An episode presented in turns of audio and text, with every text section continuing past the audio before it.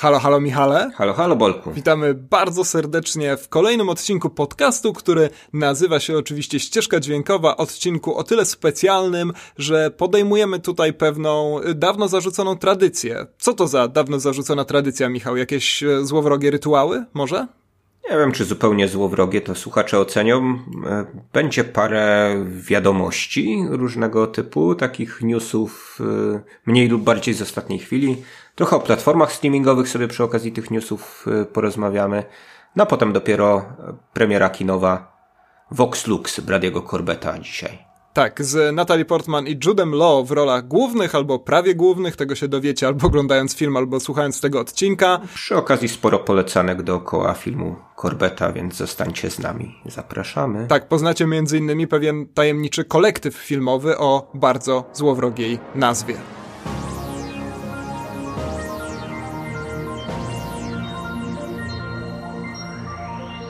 Dawno, dawno temu w tej galaktyce były takie czasy, kiedy oglądaliśmy zwiastuny i nawet dzieliliśmy się wrażeniami z tych zwiastunów. I teraz e, nie wiem, czy to taki powrót do źródeł, czy jednorazowy wyskok. W każdym razie obejrzeliśmy zwiastun nowej części Gwiezdnych Wojen.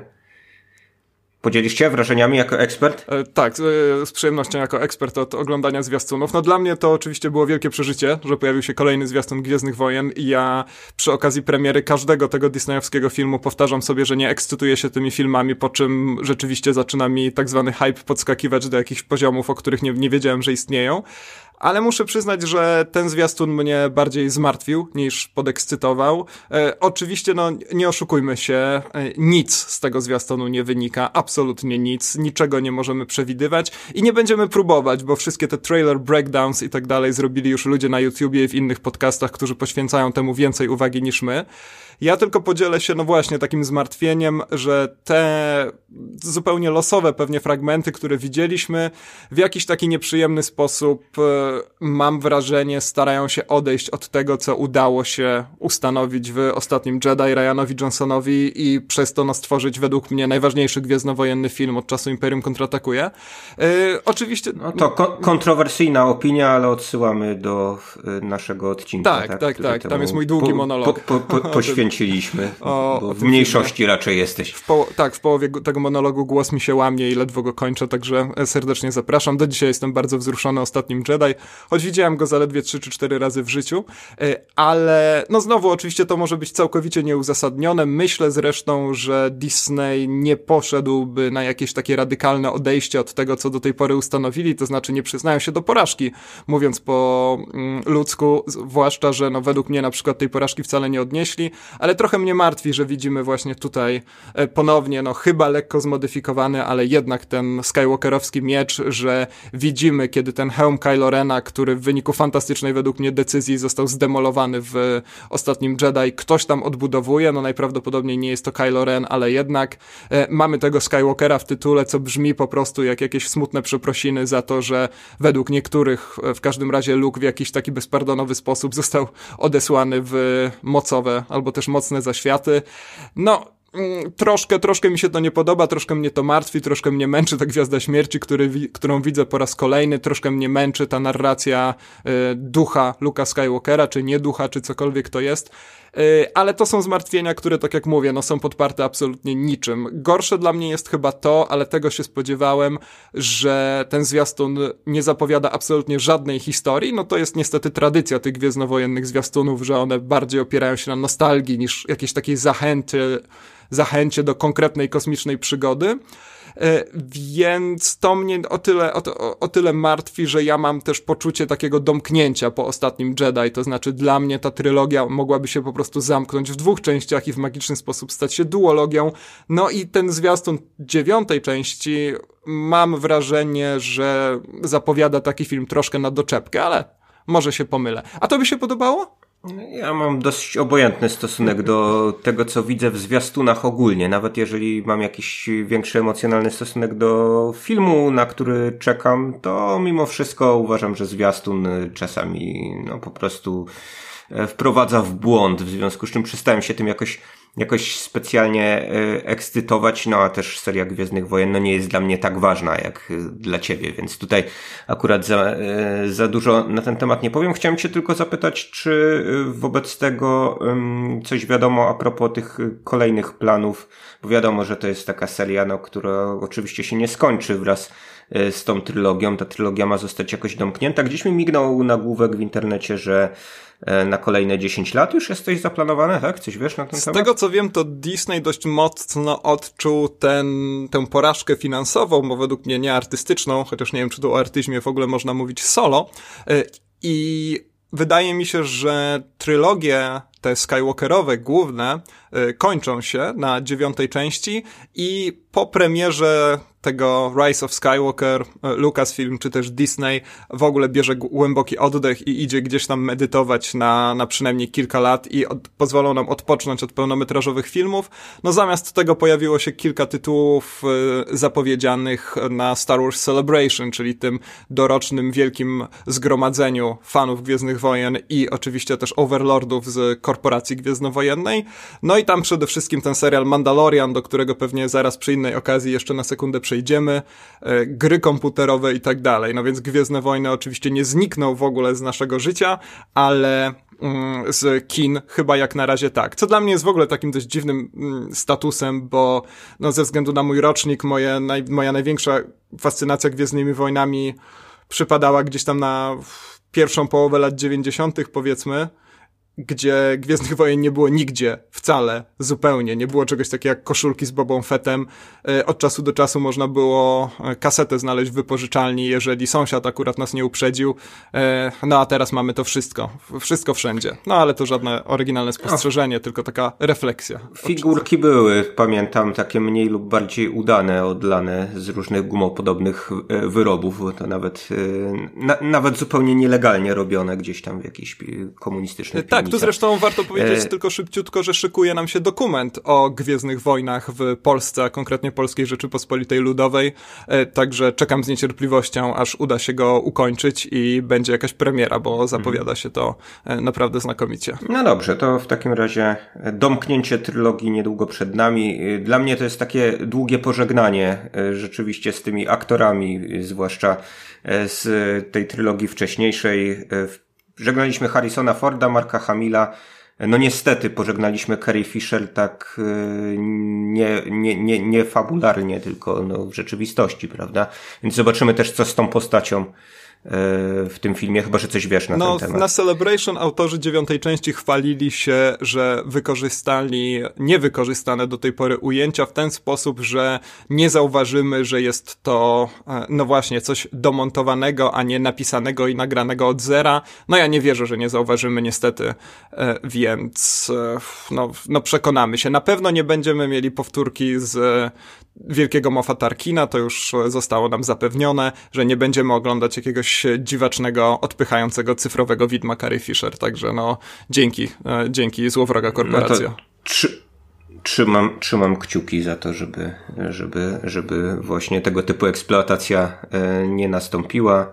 No, zobaczymy za e, miesięcy kilka, co, co tutaj się uda. Tak, no właśnie. I wspomniałem sobie o tym serialu Mandalorian, którego zwiastunu nie widzieliśmy jeszcze, ponieważ nie został on udostępniony w normalnej, nienagranej kamerką gdzieś tam w ukryciu jakości na YouTubie ani nigdzie więcej. E, ale jest to serial, który oczywiście będzie jedną z machin promocyjnych nowego serwisu streamingowego Disneya pod mało oryginalnym tytułem, czy też nazwą Disney Plus, Disney Plus.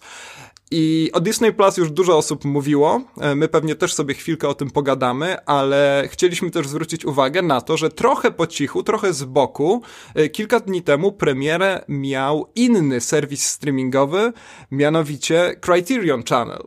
E, jest to ogromne wydarzenie dla fanów kina, choć niestety jeszcze nie dla europejskich ani polskich fanów kina, bo u nas nie jest ta rzecz ciągle niestety dostępna.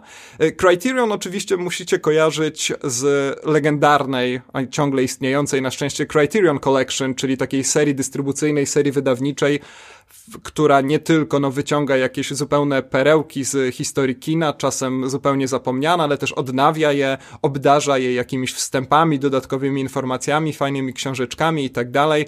No i teraz będziemy, część z tego przynajmniej, nie wiem ile, będziemy mieli w streamingu. E, Michał, e, czekasz z niecierpliwością, aż będziesz mógł się zarejestrować na taki mm, serwis? Najprawdopodobniej 11 dolarów będzie to kosztowało. To znaczy kosztuje to 11 dolarów, zobaczymy jak będzie w Polsce jeżeli kiedyś będzie. No zobaczymy właśnie, czy będzie przede wszystkim, dlatego że problem z Criterionem jest taki, że mm, on oferuje przede wszystkim, y, jak to mawiają Amerykanie, kino światowe. A, tak, tak okropne określenie. E, czy, czy, no ale wiadomo, że jest kino amerykańskie i reszta świata, prawda? Tak. Y, przynajmniej z perspektywy amerykańskiej. E, no natomiast my w tej reszcie świata się y, mieścimy, wobec czego tutaj kwestie praw autorskich mogą być dalece bardziej skomplikowane niż w przypadku e, konkretnych wytwórni hollywoodzkich. Być może naprawdę to będzie nie do przeskoczenia, mimo że mamy do czynienia z klasykami, to jednak rozdrobnienie tych praw autorskich na poszczególne firmy dystrybutorskie może sprawić, że, że po prostu nic, nic z tego nie wyjdzie, bo w ofercie Criteriona no mamy też y, takich polskich mistrzów jak Andrzej Wajda chociażby, prawda?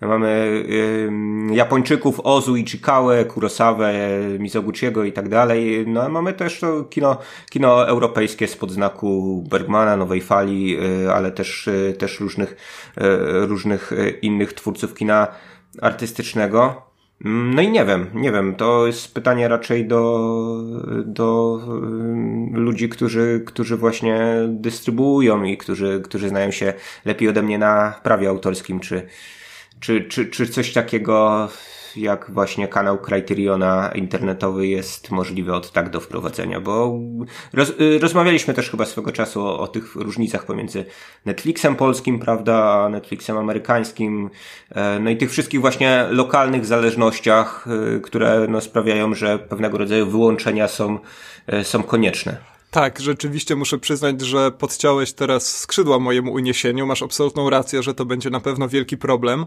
Ja już szykowałem się na to wejście Criterion Channel, no gdzieś tam przynajmniej w granice Europy. Nie pomyślałem, przyznam zupełnie szczerze, że przecież nawet jeżeli teraz możemy w katalogu wyszukać e, taką listę, na przykład w katalogu Criterion Channel, listę najlepszych filmów Wajdy, które są tam rzeczywiście dla Amerykanów i Kanadyjczyków dostępne, no to paradoksalnie nie wiadomo, czy kiedy i jeżeli wejdzie to do Polski, no to my ten kanał na przykład tam będziemy mogli obejrzeć, prawda?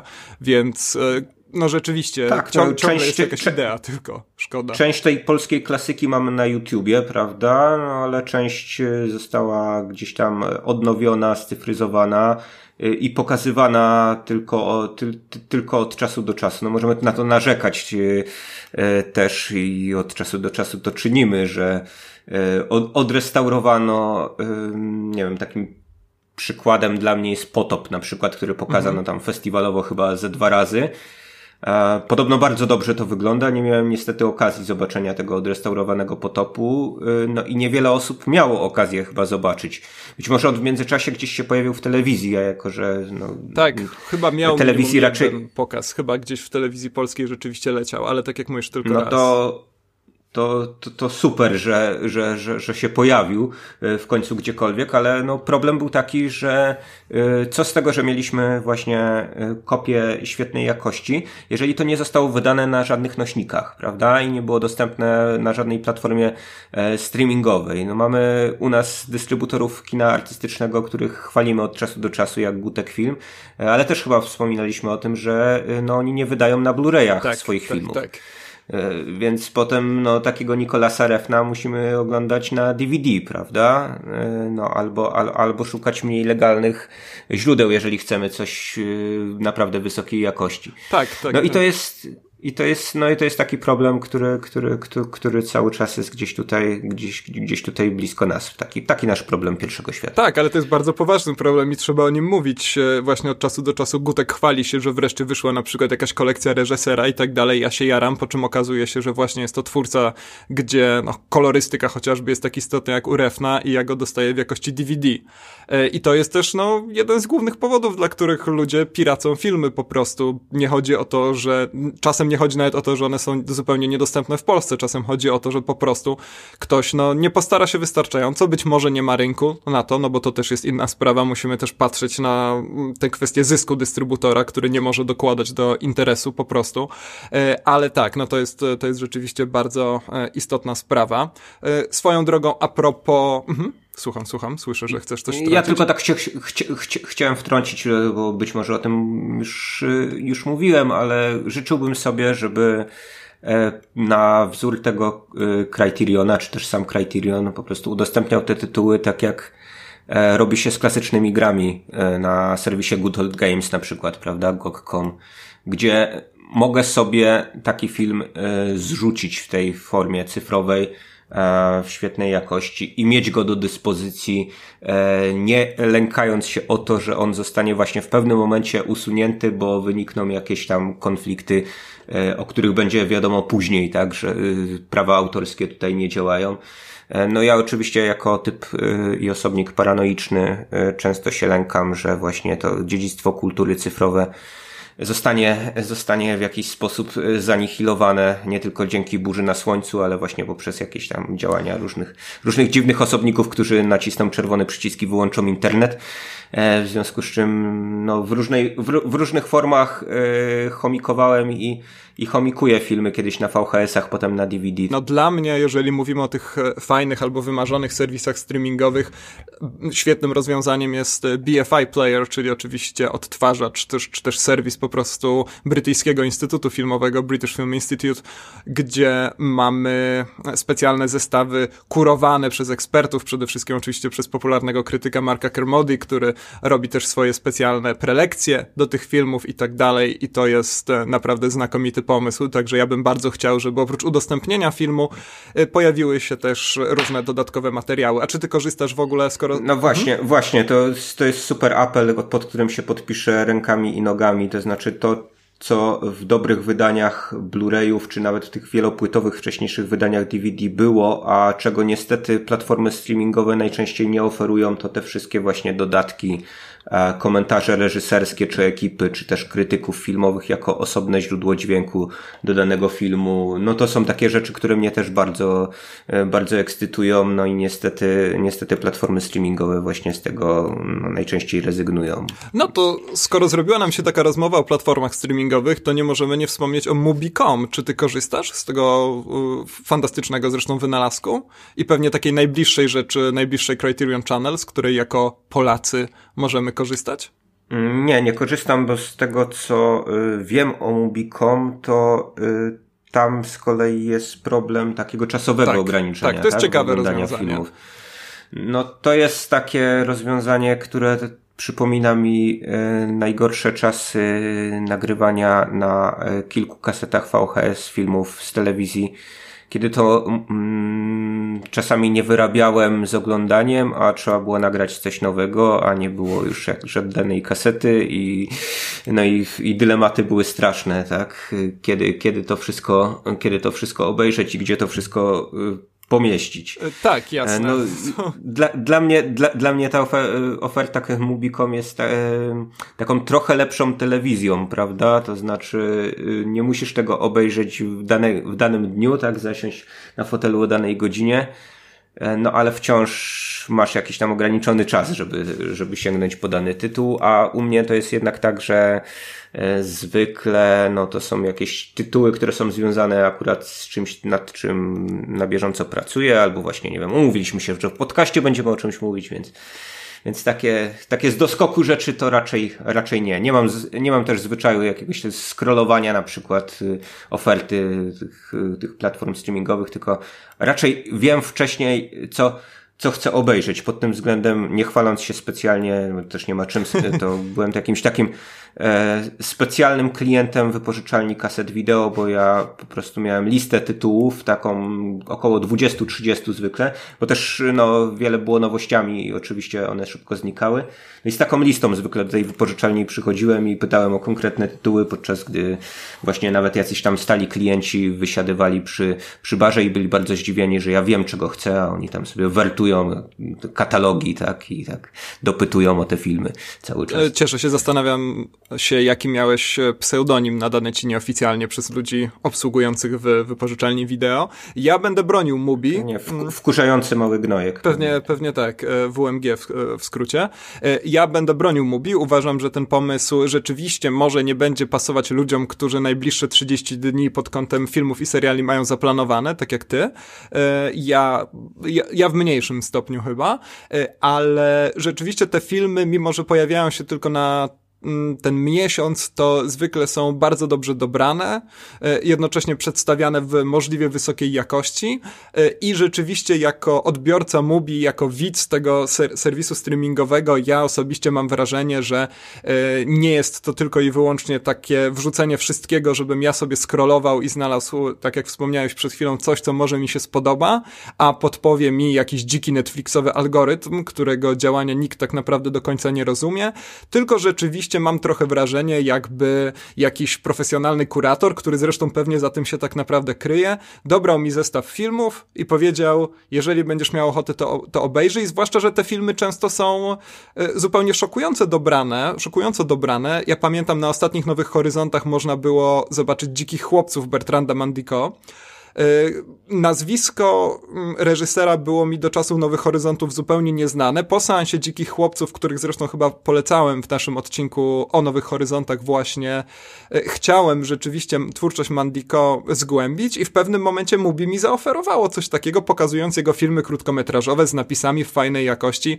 E, zupełnie fantastyczna sprawa. Więc rzeczywiście Mubi prezentuje podejście dość nietypowe, ale uważam, że sama zawartość tego serwisu serwisu, nawet jeżeli pojawia się tylko na chwilę, to e, broni się po prostu, więc ja będę, ja będę Mubi polecał. Bardzo ciekawe. No jeżeli podejdzie, podejdziemy do tego jako takiego domowego festiwalu filmowego, to tak, to zgoda. Mhm, okay, to że, chyba najlepiej że, tak do tego podchodzić. Powinni mhm. mieć takie hasło, chociaż pewnie mają coś takiego właśnie w stylu tam jakiś, no zresztą mamy domowe festiwale filmowe, festiwal filmów francuskich, prawda, który e, w dużej mierze dzieje się w internecie, co też jest bardzo ciekawą ideą. E, dobra, no to może na końcu tej naszej trochę niespodziewanej i improwizowanej rozmowy o serwisach streamingowych streamingowych wspomnimy sobie o Disney Plus.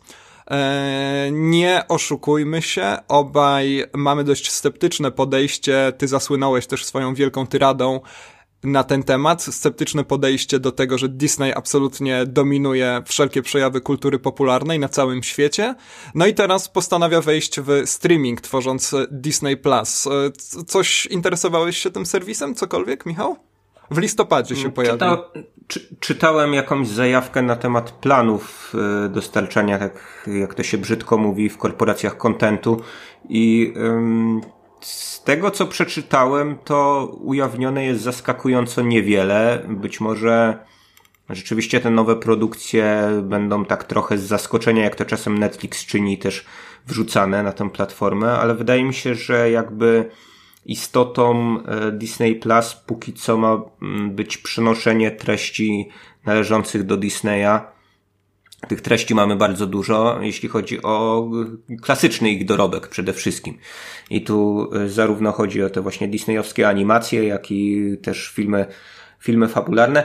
Wobec czego, jak sądzę, to będzie taki e, serwis, który przynajmniej na początku będzie bardzo mocno uderzał w ludzi zainteresowanych właśnie tymi familijnymi produkcjami, którzy też lubią dzieciom włączać bajki, tak, z jakichś platform streamingowych, bo tego na pewno tam Disney będzie miał e, dużo. No zobaczymy, co, co, co tam się pojawi, jeśli chodzi o nową ofertę, bo było dosyć ubogo w tym, w tym newsie, który czytałem pod tym względem. No teraz to, to są Mandalorian, głównie... o którym tak, wspomniałeś. Mandalorian plus jakieś pojedyncze seriale. Tak, i te spin-offy marvelowskie. No najważniejsze tak na... Marvelowskie seriale, tak, o y, Visionie, tak, tak, i tak, tak. Scarlet tak. Witch. No, mhm. okej, okay, zobaczymy, ale chyba najważniejsze jest to, że Będziemy tam mieli ofertę Foxa, którego Disney oczywiście niedawno ostatecznie wykupił. I co ciekawe, jak przeczytałem na blogu Spór w kinie, Bob Iger, czyli wielki władca Disneya i przez to nas wszystkich,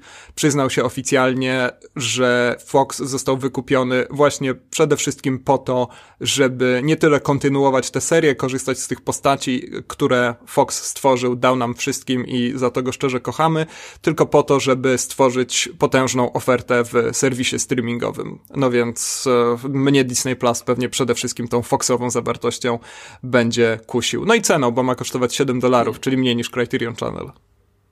Znowu ciekawe właśnie jak y, szeroko wejdą na samym początku, czy to będzie takie zwiększanie oferty, mm, tak jak to też miało miejsce w przypadku y, Netflixa, dlatego że część tych produktów Disneya wciąż jest w posiadaniu jakichś innych platform streamingowych. Ja nie wiem, czy oni planują jakieś wielkie wykupy, czy to już się y, zdarzyło, czy, czy te licencje po prostu na disneyowskie produkcje w innych serwisach y, no właśnie jakoś wygasają, dlatego ten Disney, Disney Plus już wejdzie z tą, z tą, z taką pełną ofertą disneyowską.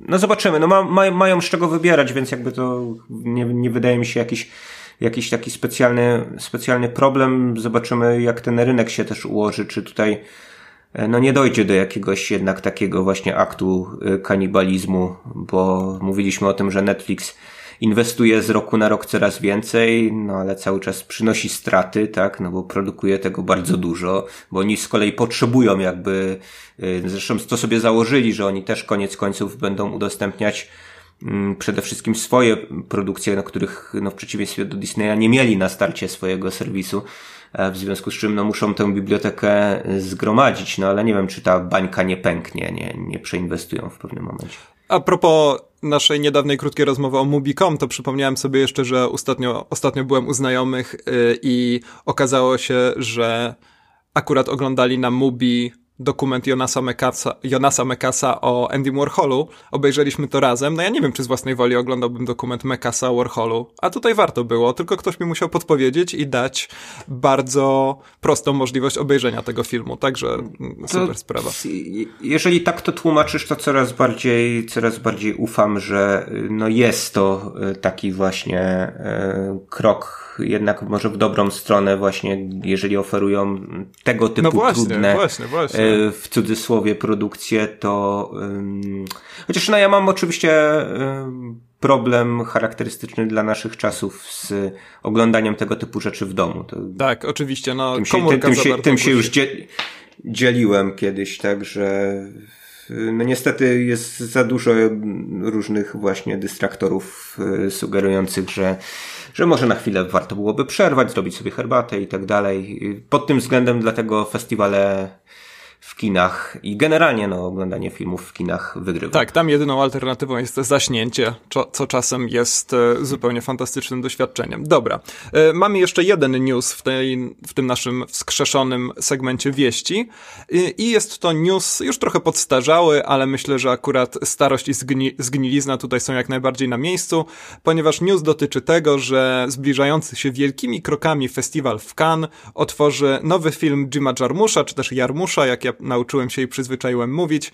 The Dead Don't Die, czyli film Jarmusza Jarmusza o zombie. No i można już było zobaczyć zwiastun, myślę, że większość z naszych widzów miała okazję go obejrzeć, jak nie to zapraszamy teraz, e, najlepiej bezpośrednio na mm, kanał, tam chyba Focus Features czy czegoś, bo ten zwiastun oczywiście pojawił się też na wielu innych kanałach, gdzie no dolepiono do niego pełno jakichś dziwnych zachęt do subskrybowania i dawania kciuków w górę, unikajcie tego. E, Michał, e, co sobie obiecujesz, kiedy słyszysz, że Jim Jarmusch Jarmusch nakręcił komedię o zombie? Mm, jeżeli chcesz tak spalszczać nazwisko e, reżysera, to sugerowałbym przez rzet. Mamy takie ładne słowo hipsterskie jak jarmuż. Tak, jest prawda? to hipsterskie słowo. Więc, więc, więc tak mógłbyś ten, yy, mógłbyś To trzeba by było Czechów zapytać, czy to, bo to jest chyba czeskie nazwisko, nie? On jest chyba jakimś tam Czechem w którymś pokoleniu, czy oni... O, tego nie, czy, tego czy nie oni mają, Czy Czesi mają jarmuż? Ale też nie jestem pewien, czy jest Czechem. Zostawmy ten temat i wróćmy do e, złowrogich zombie. Co sobie obiecujesz, kiedy na pewno, na, na pewno na jego żonę Czesi by mówili, że to jest pani Jarmuszowa. Tak, nie, no to, to jest bardzo fajne u nich.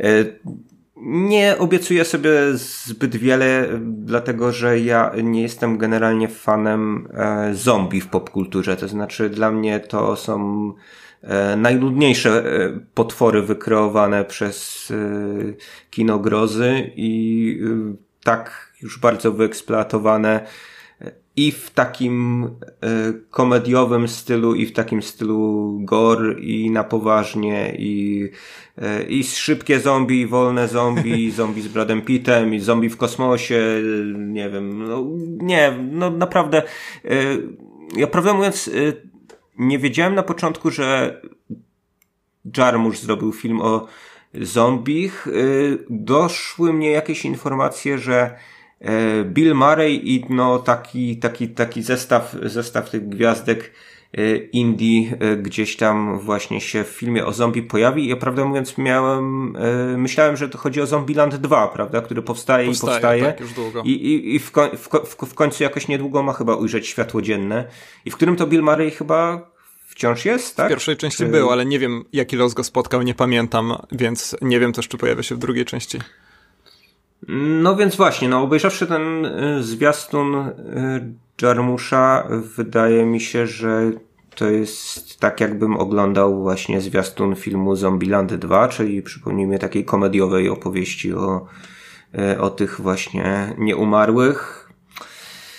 Nie wiem, czy to będzie dobre, czy to będzie tylko taka zgrywa ze znanymi Y, aktorami nic mi jakby ten, ten, ten zwiastun y, nie rzucił w sensie takiego świeżego mięsa, tak zostając przy tych, przy tych zombicznych metaforach.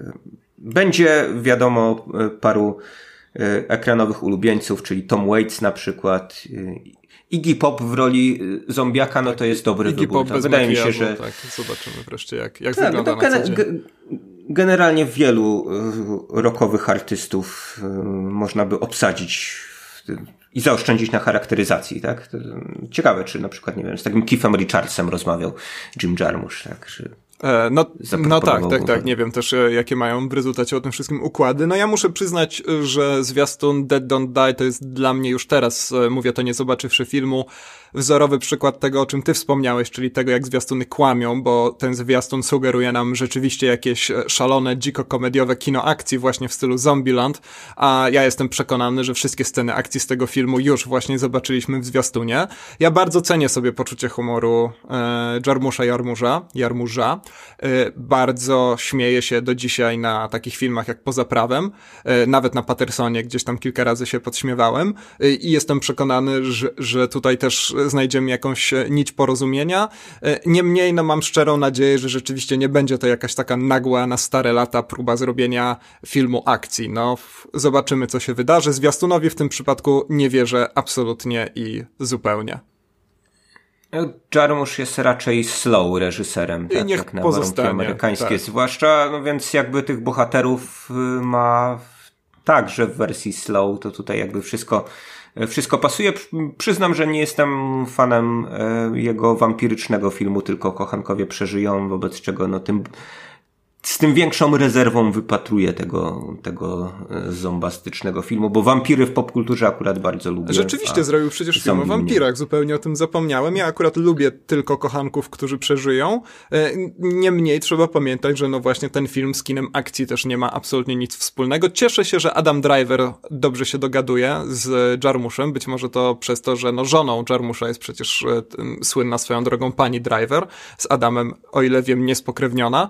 Adam Driver Driver, tak jak wielokrotnie mówiłem, jeden z moich ulubionych współczesnych aktorów, więc no z radością na niego patrzę, zwłaszcza, że no w Pattersonie tak naprawdę objawił pełnię swoich aktorskich umiejętności, tutaj będzie być może jeszcze fajniej, zwłaszcza, że komediowym aktorem jest świetnym, co pokazał w tym słynnym odcinku Saturday Night Live, gdzie między innymi wcielił się w taką chyba dość e, naturalistyczną wersję Kylo Rena, to słynny sketch, który, e, który szczerze polecam. Undercover Boss Star Killer Base, tak się to nazywa, ale pewnie to już widzieliście, bo ma to chyba 37 milionów wyświetleń. Dobra, to co? To zostawiamy te zombiaki.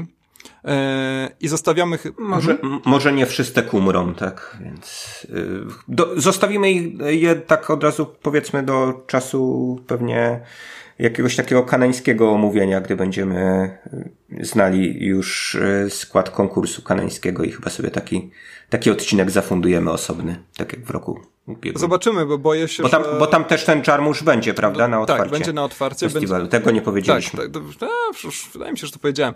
E, to jest wszystko do sprawdzenia. Okay, Niemniej może być z tym problem, bo tak jak rozmawialiśmy przed nagraniem, być może ten skład konkursowy zostanie ogłoszony zaraz już, a my kolejny odcinek będziemy nagrywać za dobre dwa tygodnie, więc no, ale myślę, że to będzie temat, który aż do wyników konkursów Cannes się raczej nie zestarzeje. Dobra, to skoro wróciliśmy do segmentu pod tytułem wieści, czy też zwiastunowanie, tym razem te segmenty pomieszaliśmy, no to teraz ponownie nazwijmy kolejny segment Tera Premiera.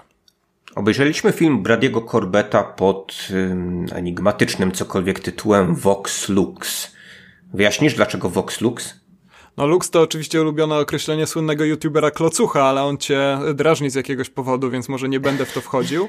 zespół Vox też mieliśmy w Polsce, tak żeby zostać w tych rejonach muzycznych. Yy, byli zapraszani jak wielu zna, e, znakomitych muzyków pokroju Norbiego przy okazji różnych mistrzostw świata i Europy do studia TVP. Bo, no, bo tam różne, różne dziwne postacie z, polskiej sceny muzycznej od Maryli Rodowicz właśnie do Norbiego i grupy Vox się pojawiały, no ale to trochę inny rodzaj muzyki i też e, o czym innym trochę film Bradego Corbetta e, jest. E, taką ironią losu ja mam dzisiaj głos całkowicie zdarty, nie tylko przez poprzedni tydzień, podczas którego nagadać się musiałem dosyć sporo, ale też poprzez no, różnego rodzaju takie chorobowo-przeziębieniowe wypadki, więc no, tak na, na, na trochę do tego filmu Tutaj może, mo, mo, może mój głos właśnie nie będzie niebiański ani świetlisty.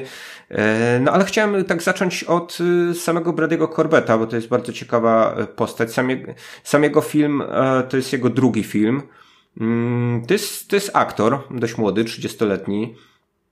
Aktor amerykański, który no, przez długie lata dla mnie był jakimś takim w ogóle wzorcem jak swoją karierę programować, bo on no, grał w dobrych filmach, krótko mówiąc, i to tak, w, takich, w, tak, w tak, takich filmach y, no, artystów uznanych dobierał te role naprawdę świetnie. No chyba, że miał świetnego menedżera, który dobierał te role za niego. Zagrał w najlepszym filmie Grega Arakiego, Mysterious Skin. Zagrał w remake'u amerykańskim Funny Games Michaela Haneke. Różne jakby zdania są o tym filmie, ale w, to, w to nie będziemy wnikać. Ja ten remake amerykański mimo wszystko lubię.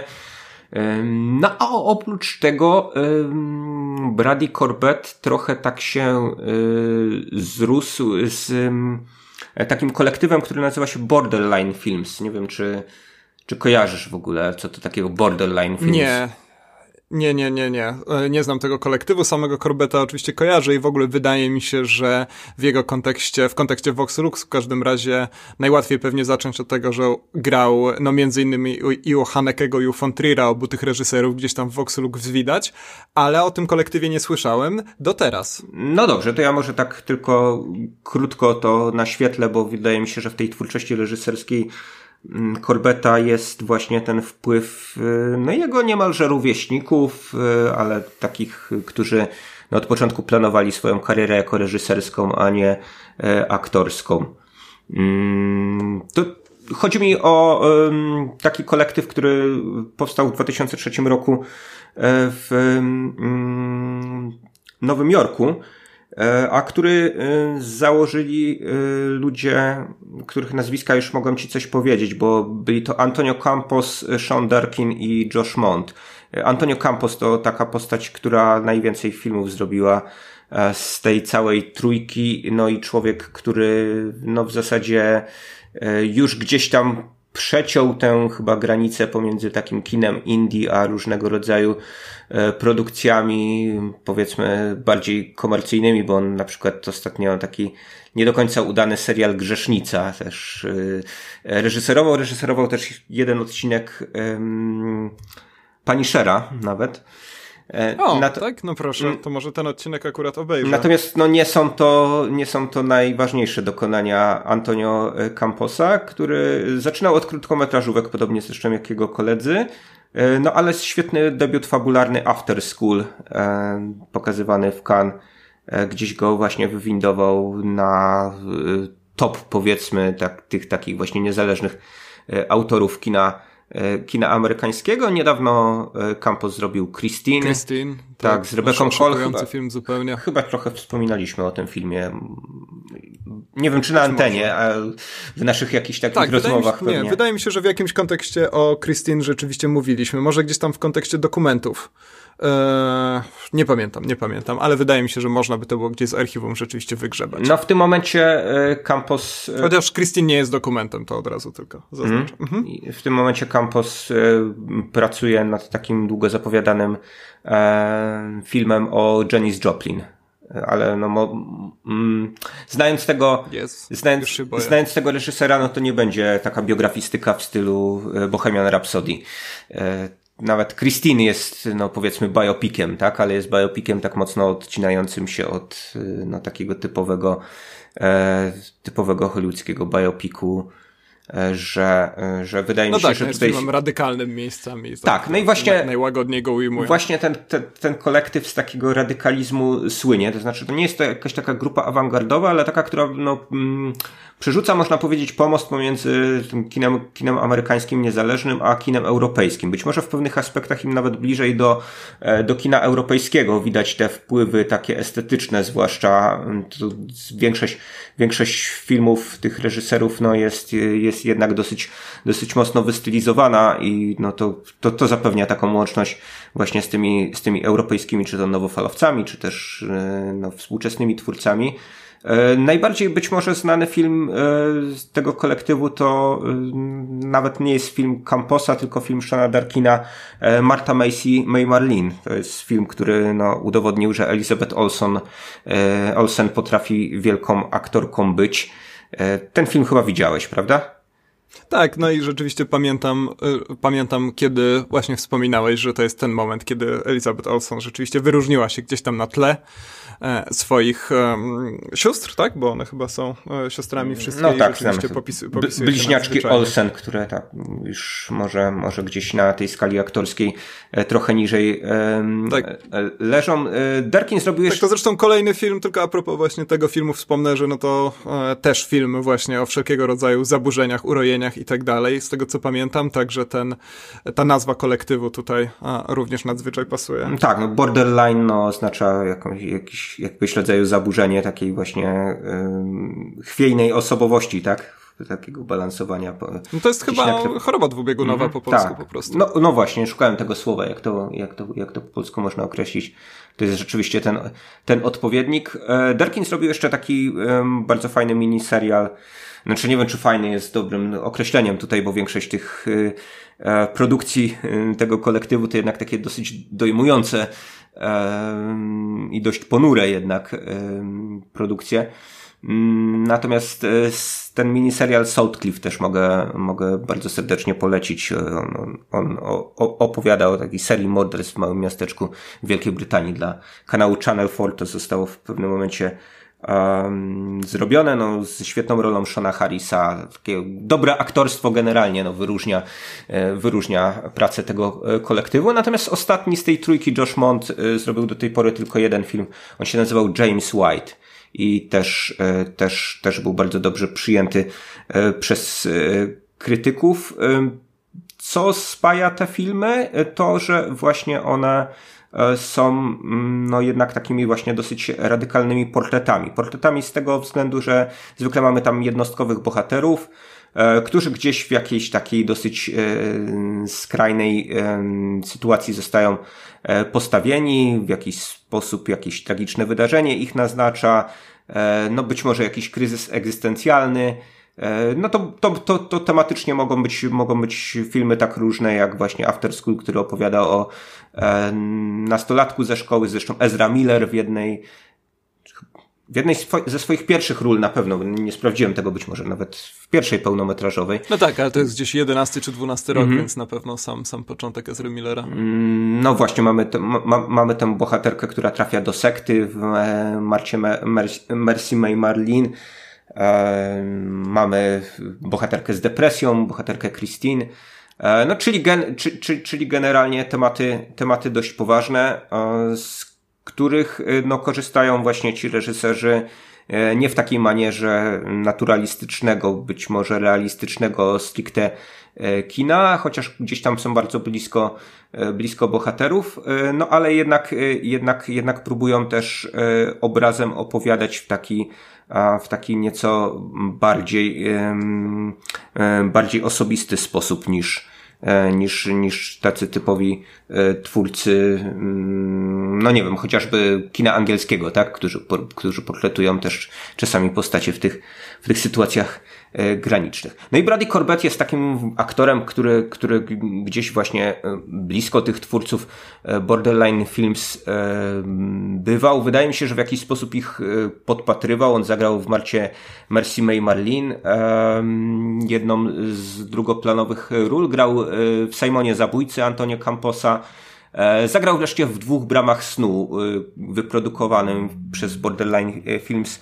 Bardzo ciekawym filmie, takim slow cinema, takim bardzo manierycznym, klimatycznym, no, bardzo, bardzo też enigmatycznym. W zasadzie sprowadzić ten film można do tego, że to jest, to jest opowieść o dwóch facetach z trumną.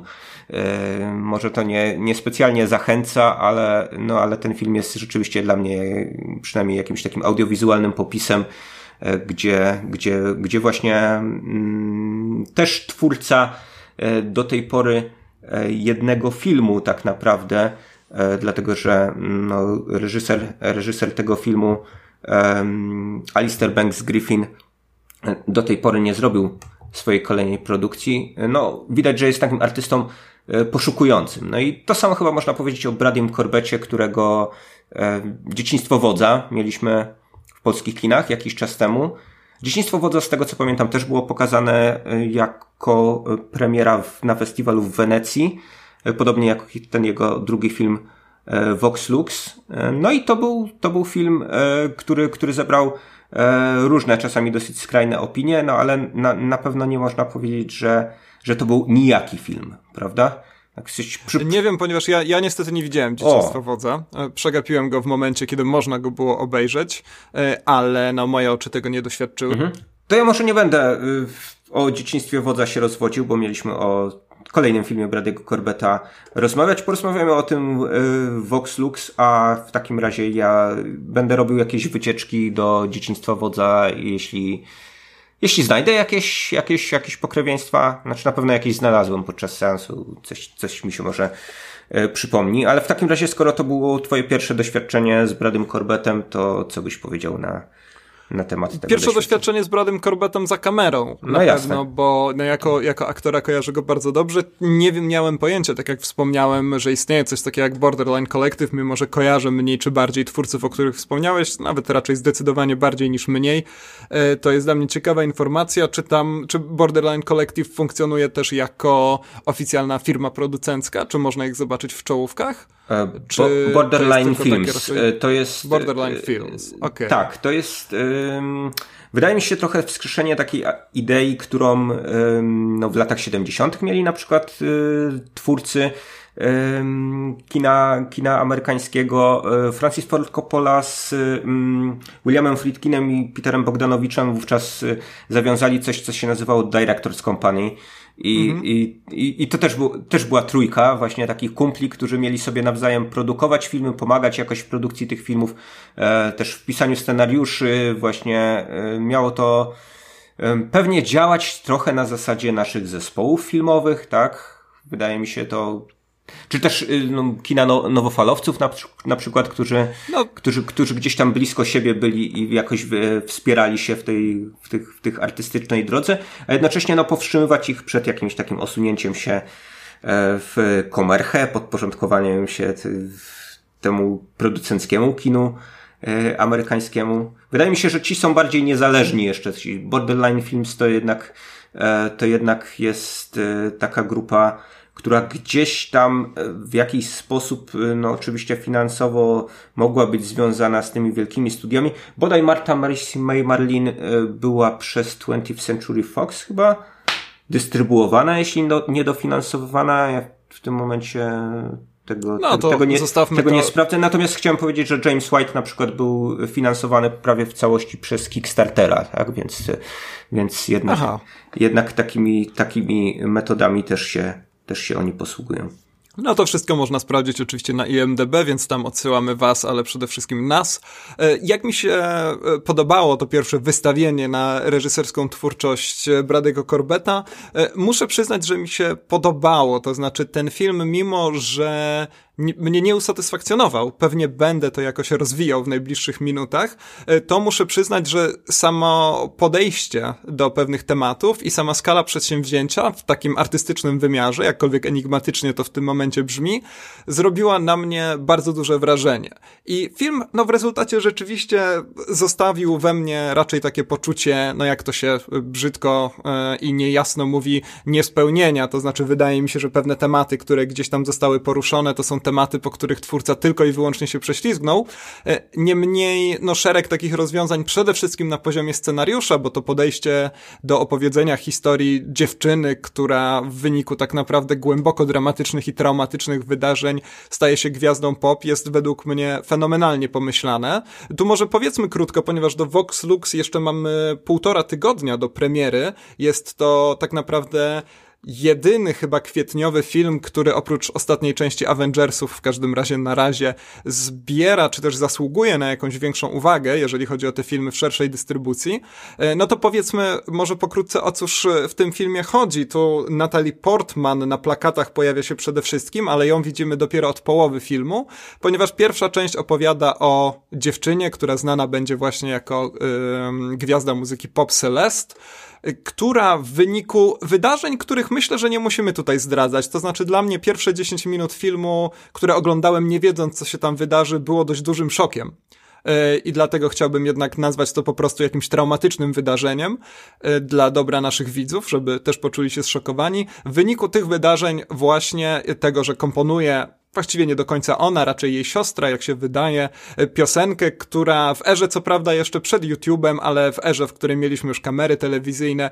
zostaje ogromnym przebojem. No i dziewczyna za sprawą menedżera, granego przez Jude Law, który jest w tym filmie absolutnie znakomity, e, awansuje bardzo szybko, jak się wydaje, do panteonu takich gwiazd pop, po czym następuje gwałtowny przeskok i oglądamy już Natalie Portman w tej roli w wieku lat 30 czy 31 i widzimy ją w momencie, kiedy usiłuje powrócić na scenę.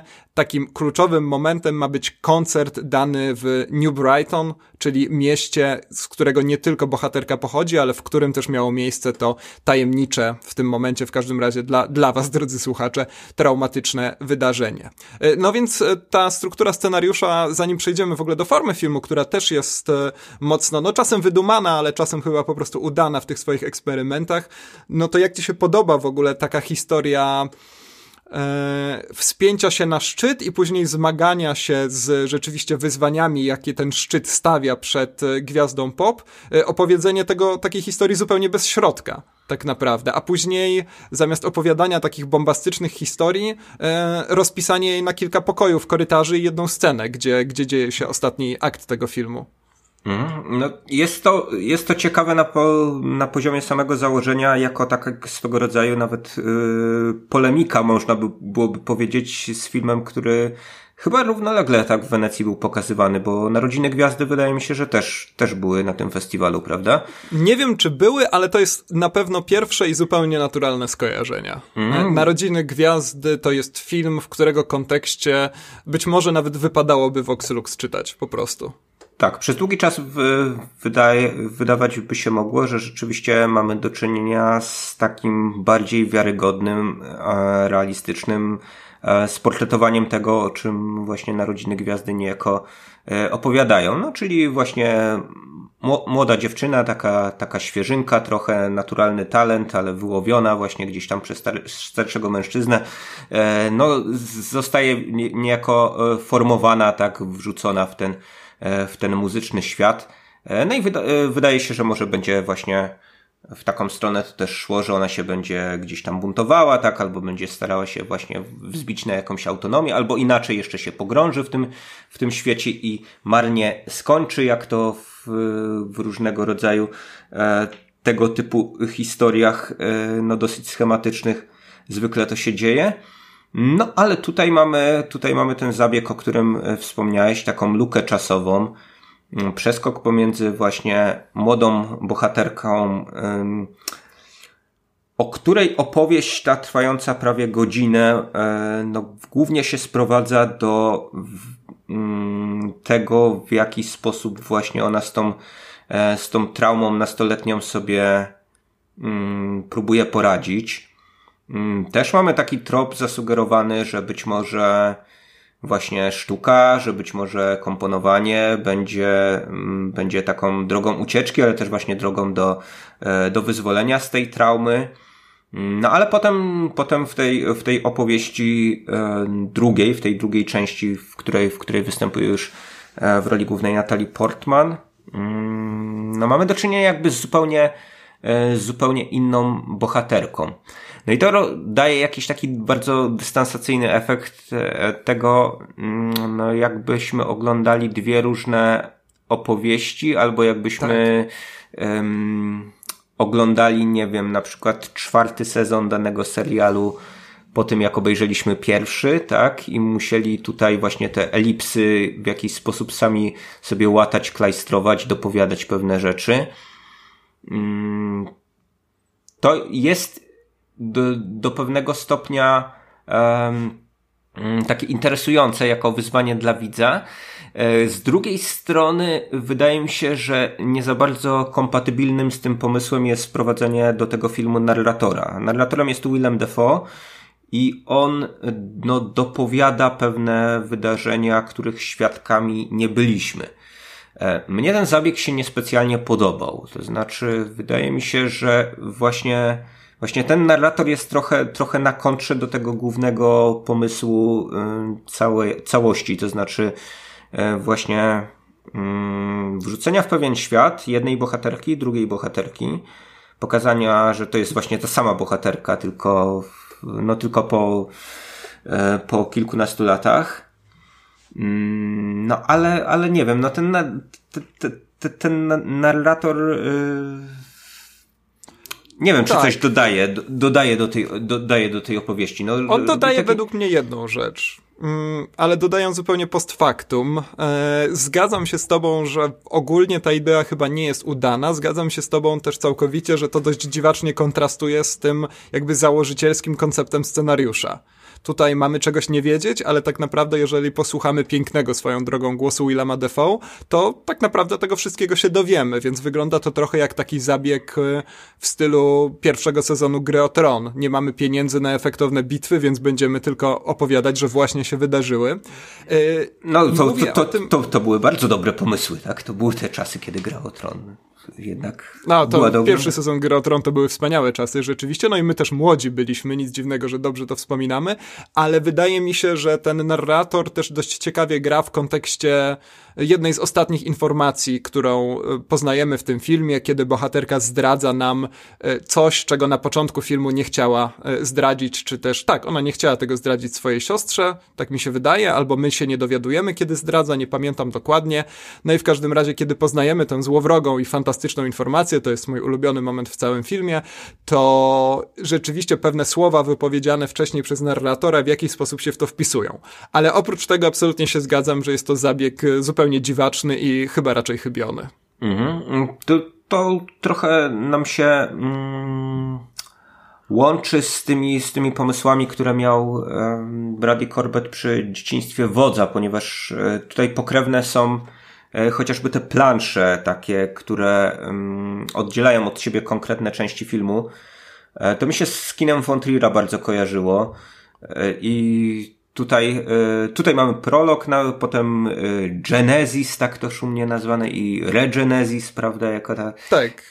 No oprócz Corbetta, który grał w Melancholii, mamy Stacey Martin, która grała w Nymphomance, więc ten von Trier gdzieś tam e, się pojawia w tle tutaj. Mhm. Więc takie skojarzenie też na tym poziomie można wysnuć. No, no i opowiadaj o planszach. I w przeciwieństwie do no, niektórych pomysłów wizualnych, y, formalnych tych y, ludzi z kolektywu Borderline Films.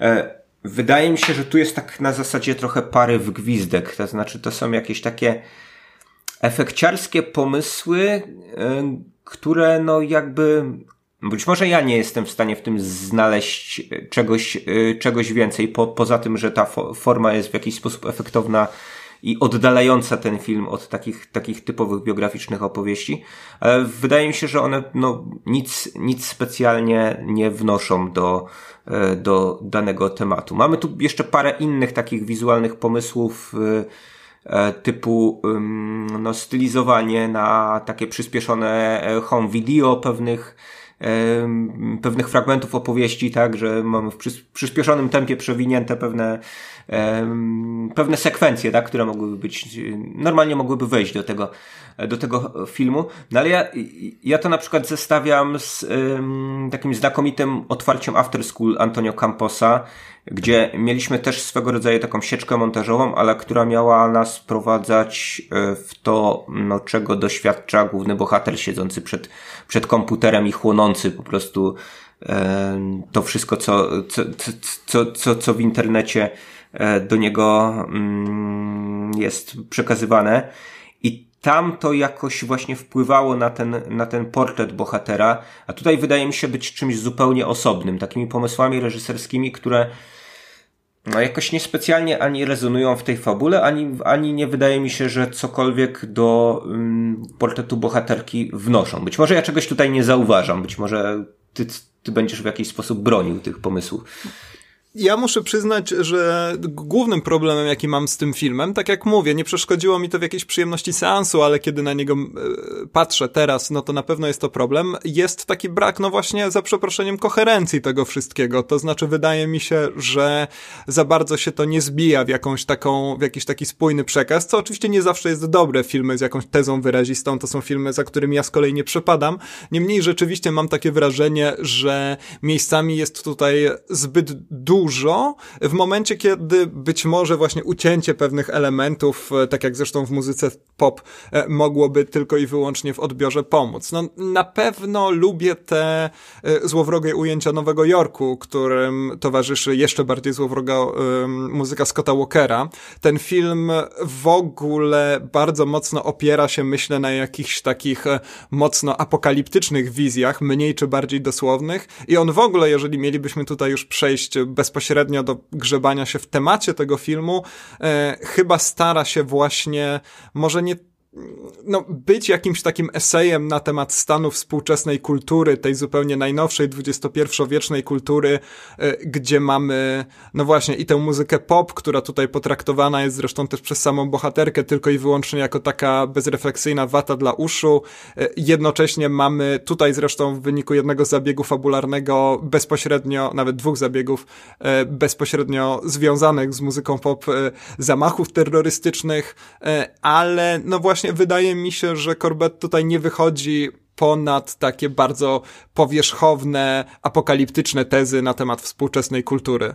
I to mnie od tego filmu troszkę, troszkę jednak po fakcie odpycha. Mhm. Nie wiem, nie wiem jak u ciebie było. To znaczy, co więcej, wydaje mi się, że pewne rzeczy y, w przeciwieństwie do, do sugerowania obrazem, jak to znowu się odwołam do tego Camposa, E, on stara się właśnie eksplicytnie w scenariuszu tak wyłożyć, łopatologicznie wręcz bym powiedział, tak, bo tak chyba trzeba... No niestety czy, wkłada czy, w usta bohaterki tak, kilka takich te, męczących tez. Chociażby to, te wywołane przez ciebie paralele pomiędzy celebrytami a terrorystami, czyli takimi a, w cudzysłowie bohaterami, tak, medialnymi naszych czasów. Tak, tak, masy, no, tu są, masowej wyobraźni. No. Tu są jakby to wprost wprost jest to powiedziane, tak, i to mamy, mamy, mamy rozmowę z dziennikarzem na ten temat, prawda, taką, taką do, do, dosyć długą.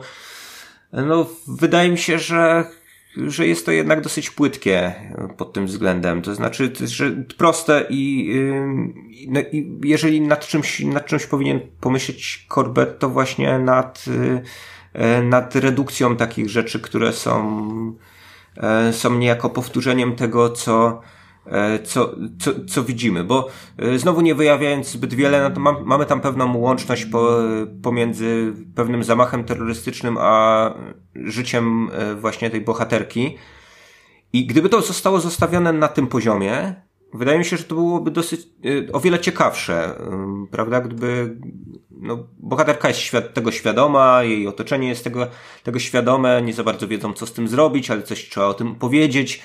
E, natomiast tutaj mamy to po prostu rozwinięte do, e, do gdzieś, do, gdzieś, gdzieś do krańca, który właśnie nie zostawia, wydaje mi się, widzowi żadnego pola na interpretację, dlatego że jakby wszyscy już wszystko powiedzieli na ten temat. I tak, tak ciekawe jest to, że temu dziennikarzowi, o którym wspomniałeś, um, oficerka prasowa Celest mówi wyraźnie, żeby e, nie zadawał pytań o to właśnie i trochę mam wrażenie, że też widzowie mogliby to Korbetowi powiedzieć, mm. żeby pewne rzeczy tak jak mówisz, pozostawił na poziomie obrazu, zwłaszcza, że do tego ma często duży talent. No ten, e, to połączenie, o którym mówisz, między karierą bohaterki a pewnym zamachem jest tutaj bardzo fajnie wymyślone właśnie na tym poziomie wizualnym i rzeczywiście szkoda, że trzeba to było wszystko jeszcze przegadać, no na wypadek jakby widzowie nie skumali o co chodzi. Tak, to jest taka, no, ale właśnie... ta scena mhm. trochę mi przypominała Spring Breakers Harmonego Korajna. A, to, ten Koraj nie jest gdzieś w tle chyba tego filmu, tak trochę, trochę no, wydaje mi, się, wy, wydaje mi się, że sporo tutaj takich cytatów y, wizualnych y, z różnych y, artystów i kina niezależnego amerykańskiego i właśnie tego europejskiego, że pe pewne są bardziej oczywiste, być może nie wszystkie nie wszystkie w jakiś sposób wyłapałem. Bardzo mi się podoba sekwencja otwierająca tego filmu. W ogóle czołówka z napisami jest jest fantastyczna, do pewnego stopnia jest jakimś e, powieleniem być może lśnienia Kubricka, bo mamy tam taką jazdę samochodem, e, ale jest to e, no tak dla mnie wspaniale zakomponowane pod kątem Bardzo też ty, tak. typografii właśnie, te, też takiego dosyć niestandardowego jak na dzisiejsze czasy zabiegu, żeby mm, jakby mm, te pełne, pełne napisy wymieniające obsadę pojawiły się gdzieś tam na początku, to trwa i trwa, wiadomo, że to kino, kino hollywoodzkie w pewnym momencie zrezygnowało z takiego przedstawiania ze względu na to, że no widz się przecież strasznie nudzi na samym początku, jak musi czytać te, te napisy, a tutaj to jest tak estetycznie e, fantastycznie zakomp zakomponowane, że właśnie patrzy, patrzyłem jak zahipnotyzowany tylko w tę czołówkę na samym początku i e, te końcowe... No tyłówka też jest bardzo Tak, końcowe napisy też są super, jeśli chodzi I o... I polecam, że zostać w kinie, ponieważ tam się dzieją rzeczy. E, nie tylko można się zastanawiać, co to dokładnie jest w tle i do kogo to należy, ale tam też to tło się zmienia. Więc e, nie czekajcie może na jakieś bonusowe cameo Kapitana Ameryki w scenie po napisach, ale warto rzeczywiście się temu przyjrzeć. Zwłaszcza, no, że ta mieszanka kompozycji Walkera i Sia, bo to Sia, bardzo popularna dzisiaj popowa autorka, jest, jest autorką, no właśnie, wszystkich, wszystkich utworów popowych w tym filmie właśnie, które wykonuje Natalie Portman, e, to, no, to cała mieszanka jest rzeczywiście bardzo hipnotyzująca. No ale właśnie, no ten film bardzo ładnie działa na poziomie zmysłowym, ale intelektualnie wydaje mi się zupełnie nie porusza. Tu się chyba, chyba, chyba się całkowicie co do tego zgadzamy. Tutaj bym się do dzieciństwa wodza odwołał, które miało mhm. takie swoje dłużyzny jednak w, w toku całego filmu. Wyda, wydaje mi się, że to mimo wszystko no, dużo bardziej udany film od Vox Lux, ale też miało taką, taką fantastyczną, też trochę enigmatyczną klamrę, e, taką złowieszczą też, bo ilustrowaną taką właśnie e, bardzo patetyczną muzyką Scotta Walkera. E, no więc więc y, nie wiem, no może, może za wcześnie, żeby wyciągać takie wnioski, ale, y, ale Brady, Brady Corbett chyba mocno myśli o tym, jak otworzyć swój film, jak go zamknąć. A, a czym go, wypełni, czy, czym go wypełnić, ma, to właśnie to tak, to, tak, to tak może nie do końca, może się mniej nad tym, e, nad tym faktem e, z, z, zastanawia. E, słówko o Scottie Walkerze, bo to jest mhm, muzyk, nieda muzyk niedawno zmarły, ale właśnie który no, wspaniałą ścieżkę dźwiękową do dzieciństwa wodza opracował. I tutaj w Vox Lux mamy ciekawie właśnie kontrapunktowane te takie popowe e, kompozycje C właśnie znowu e, kompozycjami e, Scotta Walkera. No to taki artysta, który, który długą drogę jakby przeszedł. Ja, ja za wiele o nim nie wiedziałem, prawdę mówiąc, nie, nie byłem, nie byłem miłośnikiem jego muzyki. Dowiaduję się trochę więcej teraz, ale być, mo by, być może ty słuchałeś Scotta Walkera, więc jesteś w stanie Z tego co wiem, to, to nie, bo wydaje mi się, że dotychczasowa też twórczość Scotta Walkera, dotychczasowa, no niestety, tak jak wspomniałeś, Scott Walker już nie żyje i to zmarł w marcu tego roku, więc e, bardzo niedawno, ale rzeczywiście ta jego twórczość studyjna chyba niewiele ma wspólnego z tym, co komponował do filmów, ale to wiem tylko, no właśnie, nomen omen ze słyszenia, bo Scott Walker e, w tej twórczości e, innej nie, nie, nie jest mi prawie znany. Przepraszam, że, no to, że zgłaszam nieprzygotowanie. To, to, to, też nie jest twórca muzyki filmowej, od razu powiedzmy. On jeszcze tak, ma tak, na tak, koncie no soundtrack do Poli X bodajże e, Leo Caraxa. Mhm. I to chyba tyle tak, tak naprawdę. No wydaje mi się, temu już. Wydaje mi się, że jakieś pojedyncze jego piosenki się gdzieś pojawiały na różnych soundtrackach, ale no ale gdzieś tak właśnie u, schył, u schyłku życia można powiedzieć, że, e, że, że właśnie stał się tym takim artystą prawdziwej muzyki filmowej. No i bardzo, bardzo wielki żal, że właśnie go już nie ma. Tak, takie, tak jak, Johansson, Walker. No, no właśnie, takie... teraz sobie, hmm. sobie pomyślałem o Johanie Johanssonie, tak, właśnie ci twórcy, którzy bardziej byli skłonni eksperymentować w muzyce filmowej, e, no właśnie gdzieś już, gdzieś już z tego, z tego świata E, zniknęli. Tak, Pawła Mykietyna jeszcze e, szczęśliwie mamy. Słuchaj, pogadajmy sobie chwilę o Natalie Portman. Natalie Portman dość często pojawia się w naszym podcaście przy różnych okazjach. To jest aktorka, za którą chyba mogę tu powiedzieć w liczbie mnogiej nie przepadamy. Nie lubimy wielu jej wyborów aktorskich. Podobała nam się, cały czas dość bezczelnie mówię w liczbie mnogiej, więc jeżeli się ze mną nie zgadzasz, to przerwij. Jasne. Ale pamiętam, że podobała nam się w Jackie i wtedy rozmawialiśmy sobie o tym, to był jeden z Oscarowych odcinków, bo wtedy film Larraina był nominowany do Oscara. Wspominaliśmy sobie o tym, że to jest zasługa świetnego castingu, to znaczy do roli tak charakterystycznej udało się dobrać po prostu aktorkę, która w pewnych takich zabiegach radykalnych i charakterystycznych się specjalizuje i lubuje. I tutaj wydaje mi się, no mnie Natalie Portman i jej bardzo, powiedzmy, odważne i wyraziste wybory aktorskie raczej męczyły. Nie wiem, jak było u ciebie. Co myślisz o tej kreacji Natalie Portman? No ja bardzo chciałbym y, lubić bardziej e, Natalie Portman. Prawda? Ona jest, jest to... taka fajna w filmikach na YouTubie. No to jest w ogóle moja rówieśniczka 10 dni młodsza ode mnie, więc tym bardziej tak, tak chciał czuć jakąś taką większą, większą, większą łączność z, z nią. No i też bardzo inteligentna kobieta, prawda? Z, dok tak. z doktoratem w, przeciw w przeciwieństwie do mnie. Tak, e, no i generalnie szerokie zainteresowania i tak dalej. Gra, reżyseruje, ale mm, no, nie chciałbym się specjalnie powtarzać, bo przy okazji Jackie chyba trochę, trochę mhm. na temat jej aktorstwa e, mówiliśmy. E, być może tą przeszkodą jest właśnie nawet ta jej inteligencja, tak? To, że właśnie ona za bardzo chce, że ja czasami widzę po prostu jak, jak podgrywa pewne rzeczy, jak, jak właśnie ta post, po, postać, znaczy to nie jest tak, że właśnie Natalie Portman jest w tej postaci, tylko że cały czas myśli o tym, jak, jak grać tę postać. I w Jackie to nomen omen fajnie zagrało, dlatego że y, tam bohaterka była uwikłana w ten taki performance, e, musiała e, niejako grać przed całym otoczeniem. Musiała. E, więc y, Natalie Portman grała osobę, która gra i ta sztuczność, która gdzieś tam przebijała z tego, była w zasadzie zaletą tej kreacji, a, e, a nie jej wadą. Wydawałoby się, że podobnie będzie w przypadku e, Vox Lux, tylko że tutaj mm, no, mniej mamy właśnie jakiegoś takiego scenicznego emploi tej bohaterki.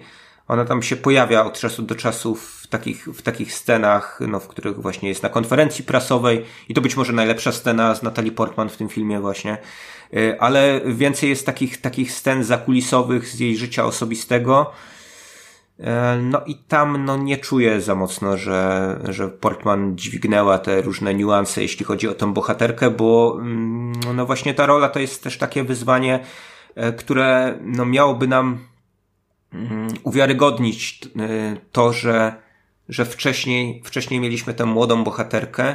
Ona się bardzo zmieniła po tych kilkunastu latach, ale jednak powinny być tam wrzucone takie pewne elementy, które nas będą, będą łączyły z tamtą postacią, żeby, mm, no właśnie, żeby ta schizma między postaciami nie była zbyt duża i to się chyba nie udało w tym filmie. To znaczy, wydaje mi się, że ja, ja oglądając ten film czułem, jakbym właśnie oglądał opowieść o dwóch, o, o, o dwóch różnych bohaterkach. Ja rozmawiałem niedawno z kolegą, który być może za jakiś czas e, zadebiutuje filmem pełnometrażowym i on opowiadał mi, że nie ma nic gorszego dla reżysera niż aktor, który przychodzi na plan z kilkoma tomami własnych przemyśleń na temat e, postaci, w którą ma się wcielić. Być może Natalie Portman jest e, właśnie taką postacią i tak jak mówisz, cały czas mieli w głowie każde tak naprawdę zachowanie swojej bohaterki. Co do tej różnicy między Celest młodą a Celest, no nie powiem starą, bo o, mm, ty jesteś w wieku Natalie Portman, ja jestem z kolei w wieku, e, wydaje mi się, właśnie postaci, No, a jeszcze do, do, dodatkowo właśnie, tak, Celest jest, jest młodsza od rzeczywistej Natalie Portman, która na swój wiek nie wygląda w przeciwieństwie do mnie. Tak.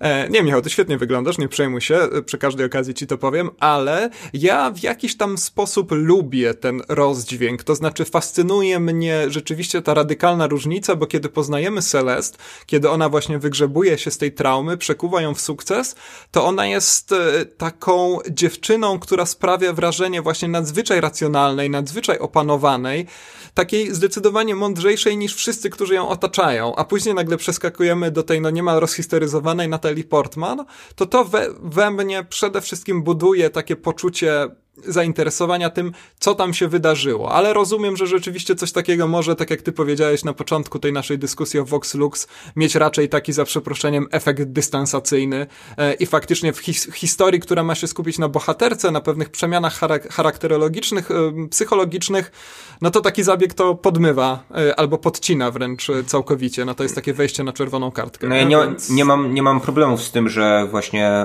postać przechodzi jakąś tam radykalną metamorfozę pod warunkiem, że w jakiś sposób to jest y, y, umotywowane, jeśli nawet nie, to w jakiś sposób czuję w tym y, pewną wiarygodność. Tutaj nie, nie, nie, czułem nawet jakichś takich właśnie pojedynczych nitek, które łączą te postacie. To jest, to jest dla mnie jakiś taki problem, że siostra głównej bohaterki po latach wydawała mi się bardziej tą bohaterką za młodu niż, niż właśnie niż właśnie postać Natalie Portman, więc... E, więc... Tak, no coś, coś w tym jest. Tu dodajmy jeszcze, że e, Rafi Cassidy, która gra młodą Celest, później gra też córkę Celest, co też jest e, takim zabiegiem właśnie dystansującym dość mocno.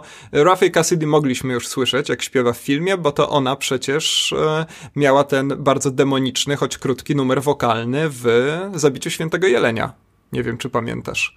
O, to e, ale jakoś to... Nie, nie, nie skojarzyłem tej aktorki, prawdę mówiąc. Tak, przywołuje wspomnienia przerażenia, bo to był taki bardzo, jeden z wielu bardzo niepokojących momentów tego filmu, ale ten być może najbardziej niepokojący.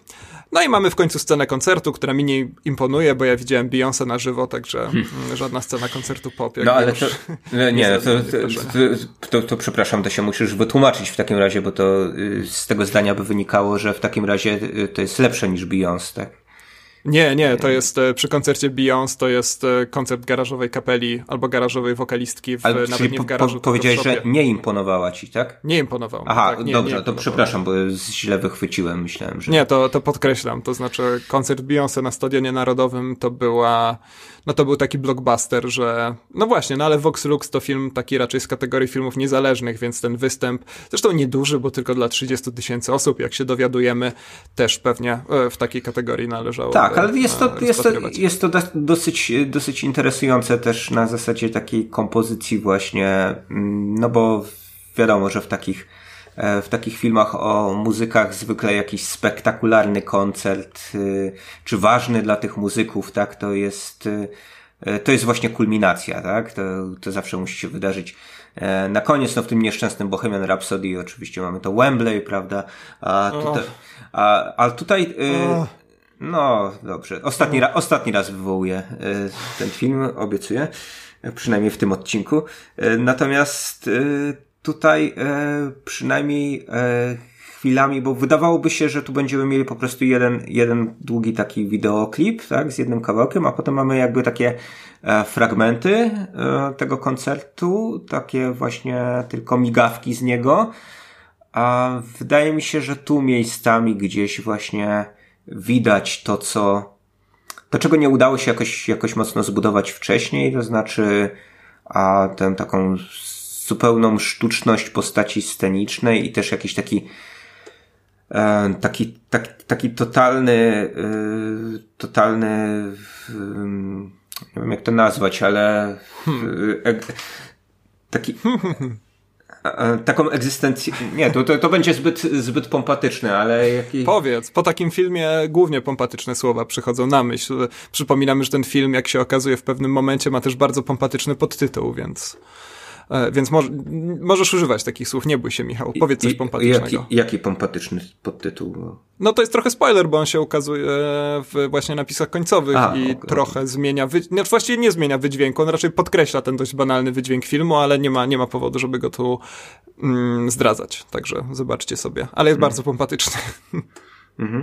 Znaczy, w tej, w tej, w tej ostatnie, te ostatnie właśnie kadry, ostatnie, ostatnie ujęcia, no jakby mocno mi dopiero uświadomiły tę, tę taką egzystencjalną pustkę, tak, w której głównej bohaterki, która jednak właśnie wychodziła od takiej, takiej postaci trochę być może nawet egzaltowanej, w każdym razie mocno uduchowionej, prawda, a a została, została taką postacią, która w zasadzie w, w, nic nie wierzy, tylko na zasadzie pewnego rodzaju takich, a, takich odruchów, y, wie jak się zachować w różnych sytuacjach, wie, że nawet jeżeli a, przydarzy jej się jakiś tam atak histerii, no to te osoby trzeba przeprosić, tamtych niekoniecznie, tutaj dziennikarzom możemy powiedzieć to, kogoś tam możemy obrazić bezkarnie i wydaje mi się, że jest już, już taką, taką, taką postacią totalnie dryfującą z tym, e, z tym nurtem, tak? To znaczy zostaje w jakiś sposób e, no, wymodelowana przez, przez popkulturę mm, nie widać, nie widać już jej pod tą całą maską sceniczną, pod tym całym brokatem złotem, tak, którym tam właśnie jest obwieszona. I to jest takie dosyć, e, dosyć smutne, dosyć, dosyć jednak e, dojmujące, ale wciąż no nie na, mm, no nie na, nie na takim poziomie, żeby, żeby ten tragizm wyborów bohaterki, bądź braku wyborów, no tutaj, tutaj odczuć z całą siłą, więc, więc, przynajmniej mnie to jakoś tak, tak, tak, tak mocno, mocno nie ruszyło, jak myślałem, że, że ruszy.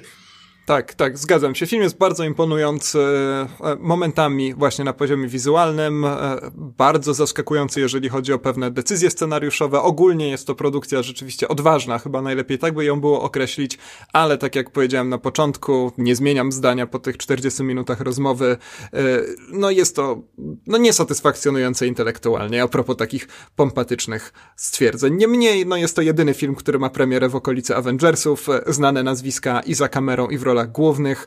E, no i jednak rzecz, którą warto zobaczyć w kinie ze względu na ten czynnik hipnotyzujący, o którym wspomniałeś, nie tylko na czołówce i tyłówce, ale też w trakcie filmu. E, polecam też kino ze znakomitym udźwiękowieniem, no bo to e, i muzyka C, i być może przede wszystkim muzyka Scotta Walkera. Na pewno to wszystko zasługuje na dobry subwoofer. No to ja zachęcam do zapoznania się z dzieciństwem wodza, nie tylko ciebie, ale też słuchaczy, którzy tego do tej pory nie uczynili. E, no ale też do zapoznania się z e, twórczością tego kolektywu Borderline Films, dlatego że oni są właśnie no, interesujący także na mapie tego amerykańskiego kina właśnie ze względu na no, chociażby powagę tych ich filmów, tego, że właśnie oni E, gdzieś nie, nie kryją się pod ironią, pastiszem, nie starają się właśnie w jakieś y, zabawy gatunkami zmierzać, co jest takie dosyć typowe nawet dla tego amerykańskiego kina indie. I to nie, i, i to nie są też takie właśnie sandansowe opowieści o gadających ludziach, tylko, e, tylko, tylko jednak e, jakiejś tam wspólnej podróży, tak dwóch niedobranych typów, tylko, tylko takie, no, bardzo wydaje mi się osobiste portrety i to osobiste mam na myśli też właśnie przemyślenia tych reżyserów. E, jeżeli ktoś chciałby e, z tymi początkami Borderline Films się zapoznać, to w ogóle na platformie Vimeo czy też Vimeo pod, pod hasłem Borderline Films znajduje się wiele tych takich debiutanckich krótkometrażówek. E, tych reżyserów, więc... O, to suplement do rozmowy to, o serwisach streamingowych. Po to też warto sięgnąć. E, wydaje mi się, że one też są, też, też są bardzo ciekawe. Czasami, czasami to są takie pomysły, które znalazły potem e, rozwinięcie w pełnym metrażu. No ale nie będę tutaj spoilował, o które, o, o, o które filmy chodzi. No a czeka, poczekamy na, na, na tą Janice w takim razie, prawda? Antonio Camposa. No bo to kolejny film o o gwieździe. E, muzycznej? Tak, tak. No, no, no, ciekawe, czy rzeczywiście uda się jakoś e, wywrócić tę narrację, która do tej pory dominowała. No ostatnio w każdym razie mamy bardzo dużo filmów, co mnie niezwykle cieszy, bo to jest dość naturalne, o rzeczywiście żeńskich gwiazdach muzyki rozrywkowej. Żeńskie gwiazdy chyba jakbyśmy jakieś statystyki wzięli pod uwagę, dominują. E, no i fajnie, że mamy tak różne głosy, jak właśnie z jednej strony Narodziny Gwiazdy, gdzie ta sztuka ma jakieś takie wartości odkupienia i przezwyciężenia trudów życia i przeróżnych wypadków, a z drugiej właśnie Vox Lux, gdzie być może nadziei nie ma w ogóle, także dla całego świata, jak dowiadujemy się z pewnej apokaliptyczno-diabelskiej e, sugestii w tym filmie, która mm. gdzieś tam przemyka. No to w, ty, w, ty, w, ty, w, tym kontekście to tylko wspomnę jeszcze o filmie, którego nie widziałem, ale na który, który, który czekam i zamierzam wkrótce obejrzeć. On się nazywa Hair Smell. Ten Alexa był... Rosaperego, tak. Tak, dokładnie. To jest też bardzo y, młody, interesujący twórca y, kina niezależnego. On zrobił y, Do Ciebie Filipie, Królową Ziemi. To filmy, które bardzo mi się y, podobały, więc, więc wiele sobie obiecuję o tym, y, po tym filmie z Elizabeth Moss. On był prezentowany na American Film Festiwalu. E, tak, jeżeli ktoś widział, to niech da znać, jak ta historia o młodej, młodziutkiej gwieździe e, jakiegoś punkowego zespołu rzeczywiście daje, e, daje radę. Mnie też to bardzo interesuje, też czekam na jakąś możliwość zobaczenia tego. Mm, no to co? To zostawiamy was z Avengersami. tak naprawdę. My będziemy nagrywać kolejny odcinek pewnie tuż po majówce. E, powiem ci, że nadrobiłem moje braki z odcinka o Kapitan Marvel. Obejrzałem Antmana i Ose i był to zaskakująco nie zły film. Spodziewałem się czegoś dużo gorszego, a dostałem całkiem niezłą rozrywkę, być może dzięki temu, że stawka była tam w porównaniu do innych Marvelowskich filmów stosunkowo niska i nie miałem też oczekiwań związanych z pierwszą częścią i e, tymi elementami wymyślonymi Jasne. jeszcze przez Edgara Wrighta. Także Jasne, wydaje mi się, że spoko film. bezpretensjonalność tych opowieści o najmniejszym superbohaterze świata no, sprawia, że one się świetnie nadają na takie właśnie blockbustery wakacyjne. Nawet jeżeli nie w wakacje je oglądasz, to no można gdzieś nawet uciec od tej pompatyczności wielkiej super bitwy, tak, Thanosa i spółki. Tak, tak, tak, dokładnie. Wyjątko, wyjątkowo nie będziemy zanudzać słuchaczy tak w, ty, w tym roku e, opowieściami o tym, o tym zwieńczeniu tej fazy MCU. Chyba, że no, okaże, no, chyba, się, że... Mhm. okaże się tak wielkim zwieńczeniem, że będzie trzeba coś powiedzieć. powiedzieć. Tak, że nawet e, te 10 dni po premierze ciągle będzie w nas to siedzieć. Dobra, Michał, to co? Czy kończymy? No myślę, że tak. Trzeba życzyć słuchaczom wesołych świąt. My Dokładnie. wyjeżdżamy. Nie, nie, nie wiem jak ty, ale ja planuję trochę odpocząć od komputera i innych, innych dobrodziejstw rozrywkowych psujących mi oczy. To, co prawda no, nie będzie pewnie tak, że nie będę oglądał niczego, natomiast e, no, planuję e, takie po, podwójne święta tutaj sobie zrobić. E, no, na, mam nadzieję, że pogoda dopisze, e, że naładuję akumulatory, e, wyleczę gardło i wrócę, wrócę przed mikrofon już w maju do Was, słuchacze drodzy. Tak jest, trzymamy kciuki za Twoje gardło i oczy. W takim razie, Michał, dziękujemy Wam bardzo. Drodzy słuchacze, zapraszamy do polubienia strony na Facebooku, do podążania za nami na Spotify'u albo subskrybowania w przeróżnych aplikacjach i serwisach podcastowych. No i do usłyszenia. Wesołych świąt i sayonara żółwie.